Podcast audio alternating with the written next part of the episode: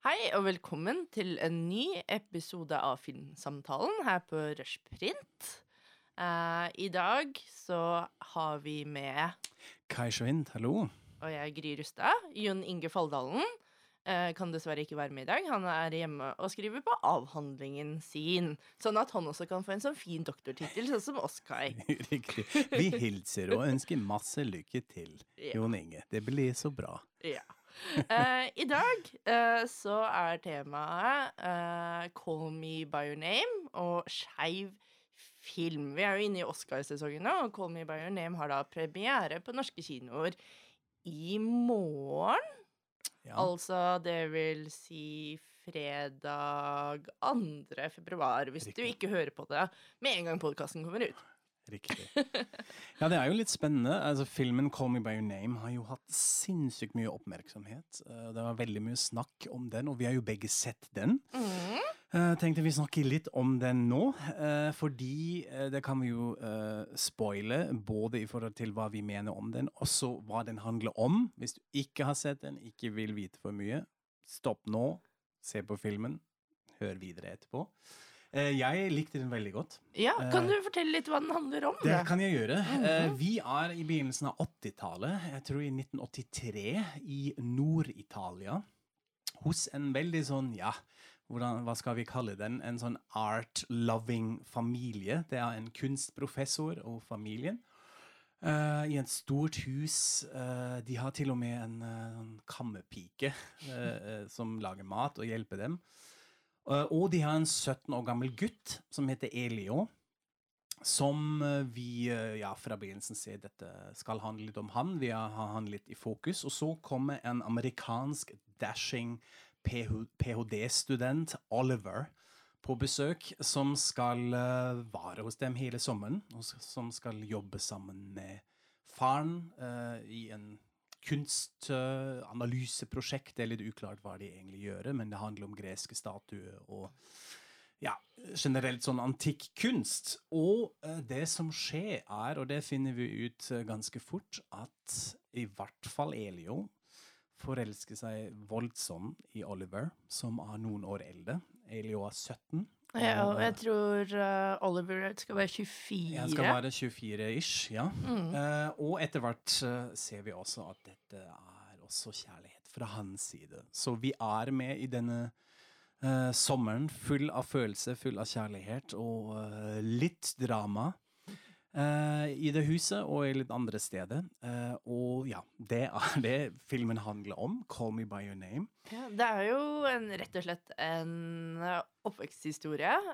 litt sånn den første kjærligheten. Vi ser jo dette fra Ja. Elio sitt perspektiv. 'Call Me By Your Name' er jo basert på en bok som mm. visstnok er skrevet kun fra Elio sitt perspektiv. Og det er veldig veldig mye indre monolog, så jeg har skjønt at de har virkelig gjort en veldig god jobb i å filmatisere denne boka og Ja. få liksom, dette ut. Det er visstnok ikke noe dialog i romanen, eksempel, så det er jo veldig fascinerende hvor det er hvordan de har løst det.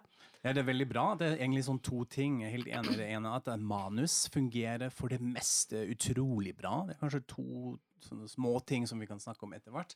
Og jeg har skrevet av James Ivory, som har jo en eh, også egentlig har sitt egen sjanger. Ivory Merchant, eh, filmsjangeren, uh, som har mest sånne historie, period pieces. Uh, men han Og det er ganske personlig, denne historien, for han, fra det jeg har lest. Så For det- Luca Nei, for James Ivory, som skrev ah, manus. Den er yeah. regissert av Luca Guardagino. mm. Uh, som jeg har, vet ikke så mye om. Italiensk uh, Eh, Han har vel lagd eh, tidligere I Am Love, tror jeg. Et par andre filmer som jeg heller ikke har sett. Nei, jeg har de ikke sett heller. Men det er det ene som uh, fungerer veldig bra, og det andre er det altså skuespillpresentasjonene. Uh, først og fremst til Timothée Chalamet. Mhm. som spiller Elio, og også til Army Hammer, som spiller Oliver. begge to. Og det er, har man jo lest flere steder, man har hørt litt på forkant, men jeg må virkelig si at jeg var ikke helt forberedt på denne skjermoffensiven. uh, og det er litt sånn ja, litt irriterende ting å snakke om autentisk eh, og troverdig skuespill, men det er jo virkelig det som fungerer utrolig bra her. Altså han, Han fungerer veldig bra som en 17 år gammel gutt som har en sånn sønn til en sånn kunstnerfamilie, så han er veldig utdannet. Han snakker fransk, han snakker italiensk og engelsk. Uh, han er veldig interessert i musikk, han jobber med det, men han er også en sånn oppegående, positiv person, så vi får ikke det vi har sett veldig mye i mye amerikansk TV i det siste, syns jeg, nemlig sånn depressed teenagers. uh, og alle varianter av dette, som jeg var egentlig litt forberedt på. Jeg trodde vi får en litt sånn dyster person mm. som da opplever sin første kjærlighet og blomstre. Men han er en ganske positiv, uh, litt sånn boblende gutt fra før. Men så skjer det jo det med, som du var inne på, første kjærlighet, at man hvordan det føles. At det er en sånn gigantisk omveltning, og alt av stort følelser og kaos og katastrofe. Mm. Og det er egentlig det hvor han er også, synes jeg, utrolig flink å fange dette opp. Uh, og mm. spille akkurat det som man ja, sikkert husker fra seg selv uh, veldig godt. Så man blir dratt inn med en gang, og det er først og fremst skuespill, ansiktet hans, kropp, uh, måten han snakker, han beveger seg Mm. Og da selvfølgelig også hvordan han spiller mot Army Hammer, som er litt mer sånn reservert, tilbakeholdende, som passer til rollen, selvfølgelig, men også skuespillpresentasjon. Mm. Jeg vil jo gjerne også trekke frem foto som ja. en veldig viktig del av filmen og opplevelsen. Uh, og liksom settdesign Altså, filmen er rett og slett utrolig vakker. Uh, som også gjør at du blir dratt inn i filmen på en veldig spesiell ja. måte. Altså, disse to mennene de er jo så grenseløst vakre. De er i dette utrolig vakre italienske landskapet. Disse mm. utrolig vakre italienske husene og Det er liksom, det er jo drømmen å drive ja. og spise frokost i Olivenlunden, ikke sant? Um, Heldigvis er det sett på 80-tallet, så vi får litt sånn stygghår og en del weirde klær. Det, det tror jeg det kompenserer det litt, fordi jeg tenkte også flere ganger, det er kanskje et sånn stikkord som vi må ta opp òg, at her er det ting litt for mye. Mm. Uh, det, er, det, er, veldig vakkert, helt enig, mm. og det fungerer. og Det liksom går på sommerferie på kino. Altså det, du, man er helt sånn, du, Man bader i den filmen, mm. som er veldig fint. Men så er det noe med looken, og også litt med hvordan historien utvikler seg, og en del sånne plot points hvor, hvor jeg tenkte innimellom wow, altså på papiret er jo dette litt mye. Ja. Her faller jo alt på plass, og nå spoiler vi litt, til og med på slutten, hvor Elio på en måte har sin coming out til familien. Altså, de visste på en måte hele veien at han hadde følelse for Oliver, og kanskje også ja. for menn generelt. Så sier jo faren selv i en sånn samtale, en sånn stor omtalt scene, som sier han ja, jeg misunner deg. Eh, jeg har opplevd noe selv i den retning, men jeg har på en måte ikke levd det ut. Jeg har levd sammen med mammaen din og har vært lykkelig òg, men mm. uansett så så forstår jeg deg veldig godt. Og da var det noe sånn sukk eh, på kino hvor jeg ikke var så sikker om alle var litt sånn med. Dette er litt sånn idealisert, eh, hvordan en sånn samtale skal se ut. Ikke sant? Det er vel kanskje kritikken mot filmen også, mm. er jo at det kanskje mer er en fantasi enn en realistisk fremstilling av komplekse forhold. Fordi alt er så fint, og alt er så lett, og foreldrene er så perfekte, og det er liksom, det er jo selvsagt denne usikkerheten mm. som det spilles opp mellom disse to, men allikevel alt går liksom så fint, og ja. alt utvikler seg på en sånn veldig sånn fantastisk måte. Altså, det er jo jeg, Man må jo nesten trekke fra Michael Stuhlborg også, ja. som spiller faren til Elio. Uh, og det er jo liksom Det her er den talen du helst ja. vil ha av pappaen din når mm. du kommer ut. Altså, så det er jo veldig idealisert ja. på veldig mange måter. Men jeg tror og det kommer vi kanskje tilbake til når vi kommer inn på andre skeive filmer, er at det kanskje er bra at man også får denne idealiserte eh, historien i denne konteksten. At ting kan faktisk være som en fantasi. Uh, dette ser man jo igjen og igjen i heterofile kjærlighetshistorier. For alt utspiller seg som en fantasi, alt er enkelt, og så er det happy ending på slutten, og så lever man lykkelig alle sine dager. Så det blir på en måte litt sånn urettferdig, kanskje, å Ja. holde det mot filmen også. Fordi alt i tonespråket, altså filmingen, så spiller man jo opp på fantasien. Og det er kanskje greit Ja. at man har en slags eh, fantasi. Jeg er helt enig i det, og det er også, som du var litt inne på, skeive filmer generelt, hvor dette det med å vare det andre, det å finne seg selv, alle disse prosessene har ofte konvertert med veldig mye drama og eh, sånn, ja, tristhet.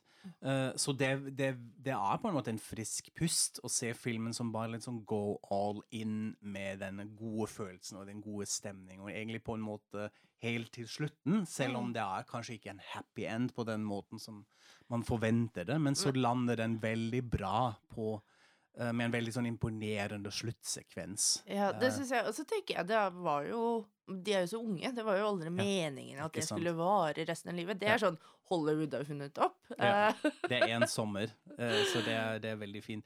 Så kanskje en sånn liten, eh, liten fotnote. Det som er også litt fascinerende, at man sitter i filmen og tenker jøss, nå diskuterer vi metoo. Og mye sånt eh, i disse dagene. Og nå skal vi se en film hvor en 17 år gammel gutt eh, forelsker seg i en eldre mann. Army Hammer er jo mye eldre enn den rollen han spiller. Han er jo 33, eller hva han var. Men uh, Timothy Calamé er er jo også eldre. absolutt. Men så var jeg egentlig litt uh, positivt overrasket at dette forsvinner ganske fort. Uh, man tenker ikke på det, for det her styrer jo egentlig Elio hele Ja. Uh, ja, tilnærmingen og litt sånn hvordan det, det Forholdet, på en måte. Ikke sant? Og det er Eh, også fordi Som man har med ja. makt å gjøre. Mm. Uh, og da har man ikke dette skeive, sånn sett skeive forholdet, skeiv maktforhold, selv om det er skeiv. Ja. Men ja, og så er det jo det at man ser det fra Elio sitt perspektiv, som gjør at han er den aktivt handlende parten, men man ser jo også det at i filmen at Oliver er veldig sånn tilbakeholden. Det er hele tiden han som holder tilbake fordi han er redd for å eh, liksom såre Elio, og, og skjønner man veldig tidlig da, at Mm. han er veldig redd for at noe skal gå galt fordi han er eldre og mer erfaren. Men så etter hvert så skjønner han jo at dette er noe Elio virkelig, virkelig vil selv. Ja. Uh, og da kan vi jo kanskje gå over på å diskutere uh, skeiv film f- generelt sett, hvordan, fordi hvordan passer den inn, ikke sant? I hele sånn, altså, hvis man vil kalle det en egen sjanger. Jeg syns jo egentlig det er litt fint at eh, sånn, rundt markedsføring av denne filmen og en del andre filmer i det siste, at det var ikke sånn hovedpoenget at dette er skeive filmer med homofil kjærlighet. Dette er kjærlighetsfilmer, drama eller hva- slags sjanger de kommer fra. Og sånn fungerer filmene òg. Jeg syns det er litt interessant eh, å kombinere 'Call Me By Your Name' med en annen film som gikk i Norge i fjor, som jeg syns også var veldig, fun um, veldig vellykket og veldig fin. 'God's Own Country' av Frances Lee. Som også sånn sett forteller en, en skeiv uh, kjærlighetshistorie. Uh, da er vi eh, i et helt annet landskap, nemlig Nord-England.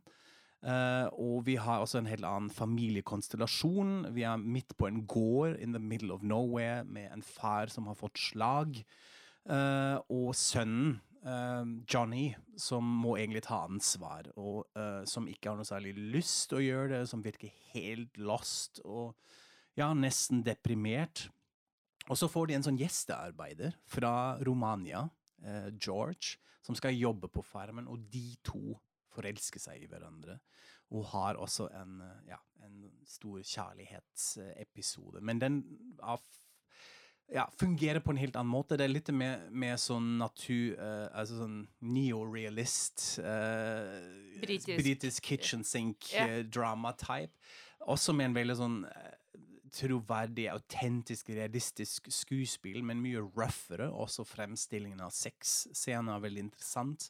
De er på en måte mye mer eksplisitt i God's Own Country. Ja, fordi det har også vært en kritikk av 'Call Me By Your Name'. Ja. Jeg har sett av mye av liksom, det skeive publikummet, er jo at man ikke ser uh, sexscenene i 'Call Me Mm. By Your Name'. At man liksom kutter før det skjer noe. Ja. Uh, ikke det at jeg nødvendigvis tenker at det Ja, det er jo At man må må se alt heller. Man må ikke se alt heller. Og så har jo Call Me By Your Name valgt en veldig sånn originalt tilnærming til det. Altså, det skal vi kanskje ikke spoile, men vi sier bare uh, fersken scene.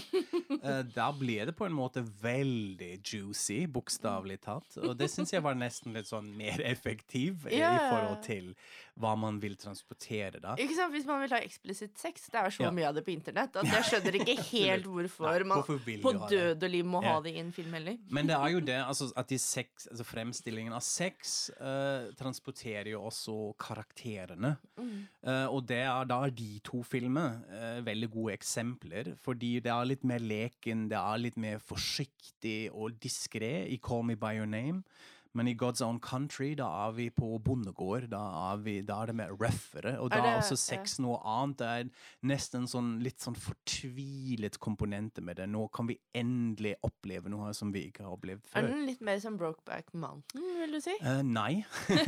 Tematisk kanskje bitte litt, men Brokeback Mountain er for meg Jeg har aldri litt sånn connected noe særlig med den filmen. Jeg syns den hadde alltid noe kunstig for seg, og noe Jeg har lest denne eh, novellen den er basert på, og den er veldig fin. Eh, men filmen, eh, selv om den har sånn sjarmerende øyeblikk, eh, fungerte ikke noe særlig for meg. Jeg ser at den i mainstream Hollywood Mm. kanon er en viktig film. Mm. Men uh, jeg connecter ikke noe særlig med de to. Eh, og jeg syns også at uh, en sånn annen ting jeg har med film når de skal fremstille å bli eldre, Mm. ikke fungerte i det hele tatt. Da er altså Jake Gyllenhaal med sånn prosthetics i ansiktet. Og, Ja. så det, den fungerte ikke for meg, men jeg ser at den hadde en sånn stor effekt. Det er litt sånn før og etter Brokeback Mountain, når vi Mm. tenker mainstream-film. Det er jo Det er vel ikke min favoritt, hvis man tak uh, snakker om skeive uh, kjærlighetshistorier heller. Um, jeg må jo innrømme at eh, jeg, hvis jeg skal se på kjærlighetsfilmer, at jeg ofte foretrekker skeive kjærlighetsfilmer, fordi når man ser streite kjærlighetsfilmer, så merker jeg at jeg alltid leser paret inn i en slags sånn kjønns maktkamp, et makthierarki, Ja. hvor det er helt umulig å lese kvinnen og mannen ut, uavhengig av strukturelle kjønnsroller. Hvor man blir sånn enten irritert, eller man blir sånn ja Men det er liksom vanskelig, uansett hva jeg gjør, å lese disse to menneskene som helt likestilte Mhm. individer som forelsker seg i hverandre. Men når jeg ser på f.eks. to menn eller to kvinner, så er det så lett å bare legge fra seg alle de der store kulturelle Ja. og sosiale overbygningene. At jeg mye lettere lar meg rive med inn i liksom selve kjærlighetshistorien. Mhm. Som jeg syns er veldig fascinerende. En av mine absolutt favoritt-kjærlighetsfilmer gjennom tidene er jo von Carvais 'Happy Together'. Det er jo en av de vakreste filmene jeg vet om. Ja. Uh, apropos Det er jo også en sånn vakker eh, fantasi på mange Mhm. måter som 'Call Me By Your Name', men det er jo også et mye mer komplekst og stormfullt forhold mellom disse to karakterene. Ja. uh, hvor det er to mennesker det, her, det er jo kanskje mer en kjærlighetshistorie om to mennesker som elsker hverandre, men som ikke kan være sammen fordi de Mm. er så utrolig forskjellige. Ja. Uh, men det er, jo, det er jo noe av det vakreste som noensinne har blitt filmet. Den er veldig veldig fin. Jeg er helt enig. Det er litt interessant hva du sier. Jeg har ikke tenkt på det på, på den måten. Jeg er veldig sånn opptatt av er dette troverdig. Hvordan kjærligheten ble fremstilt. Og da ofte litt sånn tidlig i prosessen er vi med hvorfor de to forelsker seg i hverandre. Og da tror jeg kan det være en sånn forskjell at vi er så preget av klisjeer i uh, hetero-situasjoner. altså hetero uh, romcoms eller kom, eh, romantiske filmer. Eh, At man ofte påstår at her har vi noe som skal eh, forelske seg i hverandre, men man gjør ikke så mye rundt det som en kanskje sånn generelt blikk på det, mens man i skeive filmer har Da kommer jo miljø inn i bildet litt mer, dette at de er det andre, at man Mm. ofte må litt Mm. sånn Kanskje gå litt mer forsiktig frem. Ja. Man har en annen vokabular. Det er ofte paret mot Ja, resten av ikke sant? verden. Det er. Annet enn Mm. at uh, disse to karakterene representerer to Ja. forskjellige kjønnsroller. Sånn. Er det, altså, er det forskjell mellom uh, lesbiske og homofile filmer da, for deg? Altså, har du Ser du på en annen måte på avhengig av skjønn der, eller spiller det ingen eh, rolle? Det spiller vel ingen rolle, men jeg må Ja. vel jeg må jo si at eh, som, Hvis man tar for eksempel Carol, som Mhm. jeg syns var en fantastisk flott film, Ja, Kate så, ja, -hmm. så er jeg jo Foretrekker jeg sånn Happy Together og Velvet Goldmine og Ja. Call Me By Your Name. eh, men det jeg skulle si, som jeg syns er interessant, så som hvis jeg skal sammenligne det, så er Skam et veldig Ja. godt eksempel. For Skam sesong tre vil jeg faktisk si at ligner ganske mye på Call Me By Your Mhm. Name. Det er liksom litt den samme fantasien, det er veldig lett å komme ut. Alt Mhm. liksom Problemene sitter i hodet på Isak. Ja. Eh, Men det var en kjærlighetshistorie jeg kjøpte så fullt og helt, i motsetning til i Skam sesong to, som handler mye mer om ehm, feministiske idealer, kjønnsforskjeller, makthierarkier. Hvor jeg alltid syns William-karakteren var Ja. veldig veldig problematisk fordi han var så kontrollerende. Mm. For eksempel at han aldri klarte å ta nei for et nei. Altså, Ja. som kvinne skal man finne det romantisk, og så er det sånn Er det egentlig romantisk at en mann ikke Mm. tar et nei for et nei? Uh, ikke sant? Så da kommer alle disse liksom, problematiske aspektene inn. Mens i Skam sesong tre så var liksom Isak og Even de var liksom totalt likestilt. Ja. Som gjorde den kjærlighetshistorien så utrolig mye sterkere mm. uh, for min del. Så det syns jeg er jo fascinerende. Og jeg kommer jo inn på det når vi kommer til ukens anbefalinger, for jeg har jo vært så heldig at jeg har fått sett Phantom Fred. Ja. Og der er det jo Paul Thomas Anderson-filmen. Siste film med Ja. Daniel Day-Lewis. ja, Og der, Mhm. den fokuserer jo eh, på et eh, heterofilt kjærlighetsforhold. Mhm. Men der har jo på en måte denne maktkampen er jo på en måte det er liksom ikke nødvendigvis kjærligheten, men det er kanskje kjærligheten gjennom maktkampen da, Ok. mellom disse to karakterene som har um, hovedfokus i filmen, hvor det blir på en måte et sånn Hitchcock Hitchcock-spill mellom okay. de. Og det, og det er jo liksom fascinerende, så det fungerte også veldig bra. Mhm. Men da ser man på en måte veldig tydelig at det her er det hierarkier, Mhm. makthierarkier, som på en måte øh, øh, er det som gir liksom kjærligheten deres gnist Mhm. og Ja. ild. Uh, mens i Call Me By Your Name så er det liksom bare denne vakre, vakre forelskelsen. Ja, Man kan jo kanskje komme med hypotesen at muligens alle fortellinger om kjærlighet, og spesielt kjærlighetsfilmer, er, handler om makt. Mm. På mer eller mindre litt sånn yeah. størrelse. Call Me By Your Name er jo kanskje også litt sånn maktforhold inni det, hvor han hvor Elio må på en måte ja, Etter hvilken sine premisser skjer dette her? Og Mm. da har de jo også en del sånn misforståelse, og veldig fint observert når han skal uh, møte meg på balkongen klokka tolv om natta, får Elio en sånn liten lapp, og så er vi med Elio hele dagen, hvor han er sånn utålmodig og venter hva han skal gjøre. Så da er det jo også at én bestemmer kanskje reglene mer enn den andre, så man har et sånn maktelement i filmene, men det er litt sånn spørs hva man bruker den til. Altså, er det noe som Det høres ut i Phantom uh, Menace, hadde jeg nesten sagt. Phantom Thread. Uh, at det kanskje ikke blir så koselig. Det er Paul Thomas Anderson. Jeg regner Nei. med at det blir litt fart og Nei, det er ikke nødvendigvis koselig. Nei, det er ikke det de fleste vil tenke på som superromantisk. Nei. Men det er eh, allikevel litt sånn rart kinky sexy. Yes, ok. Veldig spent på den. Ja, det er veldig interessant. Uh, men ja, altså på Men på den andre siden så har jo Elio litt av makt også i det forholdet, for han er jo sønnen til sjefen til Oliver. Mhm. Ja, helt riktig. Så de har, Mm. kommer jo inn i Ja. dette forholdet med forskjellige uh, makthierarkier. Men jeg tror poenget mitt er bare at jeg, jeg slipper da å lese inn Ja. disse veldig innarbeidede maskuline og Ja. feminine rollene man gjerne mm. ser i streite Mm. kjærlighetsfilmer, da, som er uh, veldig befriende, rett og slett. Mm, absolutt. Ja, det tror jeg òg. At det er en sånn frigjøring av sjanger også, som vi ser mer og mer. Og det er veldig fint å se at de historiene og de filmene slår an. At det er stor suksess. Og det er også Call Me By Your Name både en sånn eh, finansiell suksess, yeah. men også uh, Oscar-nominert, eh, som er Mm. Beste ve- veldig- beste film, film. Ja, vi kan jo ta en liten titt.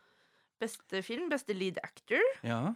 Eh, Timothy Chalamet igjen opp mot sånn heavyweight som Daniel Day-Lewis og Gary Oldman og Denzel Washington. Så det blir interessant å se om han litt sånn klarer, klarer dette. Men eh, ja, det er, um, det er veldig fint å se at, at den dukker opp, og det er jo kanskje sånn generelt Vi ser jo en liten skift i, i Oscar-nominasjonene i de siste årene. At man har man rett og slett er litt mer obs på kanskje det som skjer i samfunnet. De har jo fått mye og kritikk. representasjon, ikke sant? Det var jo, det tok jo noen år. Oscar so white. Oscar so white eh, og diverse hashtag-kampanjer før de var på plass. Ja. Men jeg synes spesielt i år så har, har det en ganske sånn diverse eh, nomina nominasjoner, og ikke kanskje en sånn tydelig favoritt. Ja, og så slipper du unna denne And here are all the male nominees for Mhm. Best Director. De har jo Ja. faktisk klart å nominere Greta Gerwig, Riktig. Mm. Så det er jo veldig flott. Ja. Um, og jeg tror man for første gang har en kvinne som er eh, Hva var det? Eh, som er nominert i beste foto, tror jeg. Cinematografi. Ah ja, okay. Ja, Mudbound. Rachel Morrison. Ja, okay. uh, så det er jo uh, Som man ser Og Get Out er jo veldig mye Mm. nominert. Um, så det er um, interessant. Og det er en del gode filmer. Nå har vi ikke sett alle, så vi kommer nok tilbake til med en Oscar-pod med Jon Inge etter um, utdelingen, tenker jeg. Eh, hvor vi snakker litt mer om filmene og hvem som vinner og hvem som Ja. taper. Skal vi likevel eh, prøve en liten guess? Hva tror du blir best film? Bare fordi det er Oi. gøy. uh, jeg har Akkurat nå så ser det ut som Three Billboards Outside of Ja. Ebbing, Missouri. Legger ganske bra an, med både en Golden Globe og en SAG. Ja. Uh, ellers så snakker man vel om uh, The Shape of Water. Ja. Min personlige favoritt. Jeg kan ikke se for meg Den kan vi jo egentlig bare gå over nesten i anbefalingene. Mm. Jeg har jo snakket så mye om den allerede. Er jo Phantom Thread. Uh, mm -hmm. For meg jeg nesten bombesikker. Jeg er 99% sikker på at jeg ikke kommer til å se en bedre film i år. Wow, ok, nå er jeg veldig spent på den. Jeg hadde jo satsa på en sånn uh, outsider, kanskje, at det ble Get Out. At uh, det er en amerikansk kontekst, kan faktisk gå all the way. Uh, jeg likte filmen veldig godt. Uh, Syns den var veldig fint. Um, veldig spennende, men jeg vet ikke om jeg hadde eh, Akademiet er ofte ikke glad i sjangerfilm, da. Nei, det er det. Og, altså, ja, skrekk er jo aldri, kanskje eh, Mm. altså, Hvis man kaller 'Silence of the Lambs' for en skrekkfilm, er det kanskje en av de få som Ja. har gått uh, all the way. Mm. 'Shape of Water' ser ut som å være typisk Mhm. Oscar-materiale. Eh, men ja, kanskje 'Phantom Thread' er dette som tar den i midten, fordi manøvrerer litt Ja, eh, altså, mellom de. Dette var jo den store overraskelsen. Mhm. Eh, Jeg så på alle Oscar-bloggene før nominasjonene, så Ja. hadde man liksom avskrevet Phantom Thread litt, litt fordi den hadde en veldig limitert eh, distribusjon Mhm. da den kom ut i desember, så man tenkte at Akademiet ikke hadde eh, fått sett den, men bang, så har den liksom seks nominasjoner. Ja, det er bra. Eh, 'Darkest Hour' med Gary Oldman som Winston Churchill er vel kanskje for britisk for dem. ja, men men uh, man sier jo at Gary Oldman kommer til å vinne. Ja, fordi han må.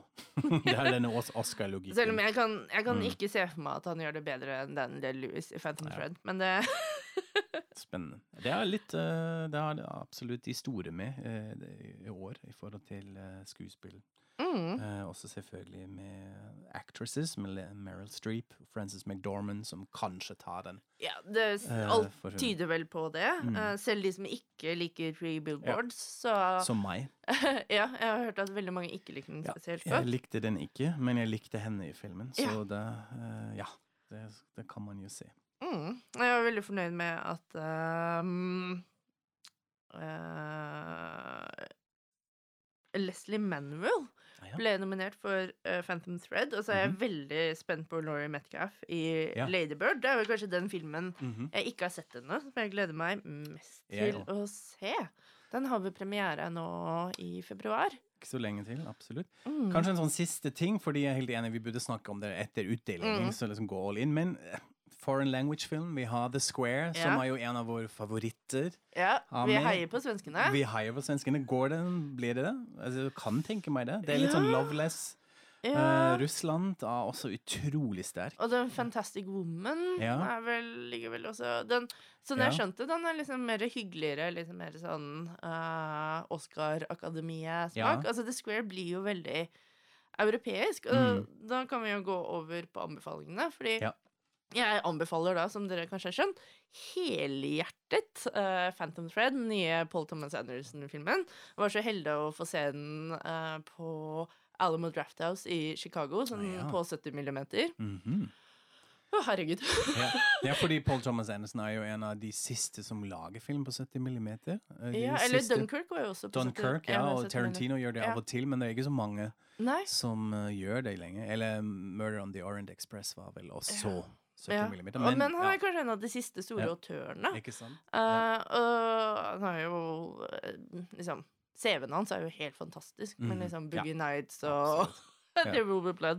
Ja. Og nå er han da tilbake med Dan Day-Lewis. Mhm. um, og de har jo samarbeidet mye om å skape Phantom Thread.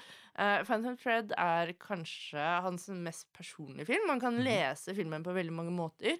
Man kan lese den som filmen om liksom den skapende geniet og kompleksiteten i det å skape ting. Altså direkte til Paul Thomas Anderson. Men Mhm. man kan også uh, Og som jeg så den, så er den kanskje mer som en sånn Hitchcock-inspirert psykologisk thriller. Mhm. En viljekamp da mellom uh, Daniel Day-Lewis og hans nye muse. Mm -hmm. Uh, og hvordan dette kjærlighetsforholdet utvikler seg. Hvor han liksom finner denne unge uh, kvinnen, spilt av Vicky Kuipers, tror jeg. En helt ny, ung uh, skuespiller. uh, som spiller Alva. Jo. som jobber som en servitrise på landet i England. hvor han finner henne og tar henne med og liksom gjør henne til musen sin. Da. Så de Mhm. har jo Der har man jo det, dette liksom um, ubalanserte maktforholdet som Mhm. jeg snakket om. Men så blir det en sånn derre dragkamp, en sånn helt fantastisk Hitchcock-aktig mm -hmm. Uh, uh, thriller mellom de to.